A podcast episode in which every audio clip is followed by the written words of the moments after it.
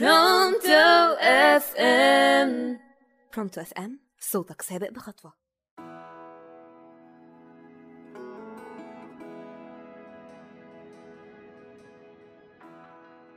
أهلا بكل مستمعينا مستمعي راديو Pronto. معاكم على المايك دينا كمال ودي الحلقة الرابعة من برنامج رسائل.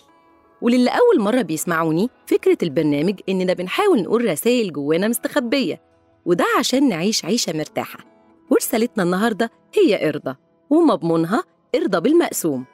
ناس كتير لما هتسمع رسالة النهاردة هيجي في ذهنهم أسئلة كتير وهي معنى كلامك مثلا إننا نرضى بالأمر الواقع حتى لو كان في ظلم واقع علينا؟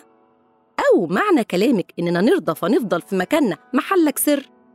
والحقيقة إن ده مش قصدي خالص.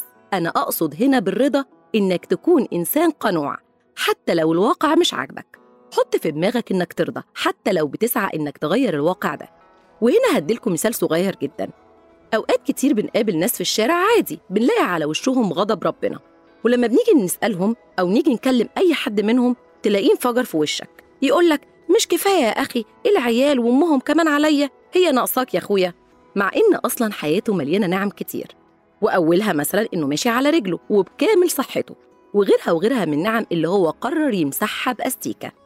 واحد تاني في السوبر ماركت تعدي جنبه تلاقيه يعلي صوته ويقول دي بقت عيشة هباب على أساس تشترك معاه بقى في شتم العيشة واللي عايشينها. الناس دي أنت ما تعملش حاجة غير إنك تقول لهم إن شاء الله اللي جاي أحسن. يا سيدي هات على قدك واضحك في وش الدنيا تضحك لك وتسيبه وتمشي. الله أعلم هيتغير ولا لأ.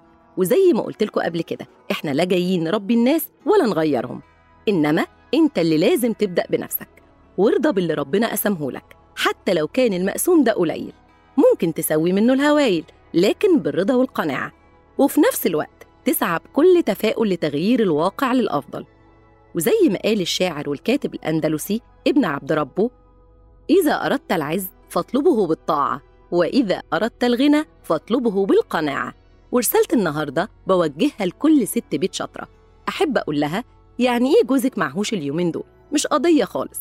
بشوية تفاؤل ورضا هتقدري تسوي الهوايل والدنيا كمان هتمشي لما انت ترضي.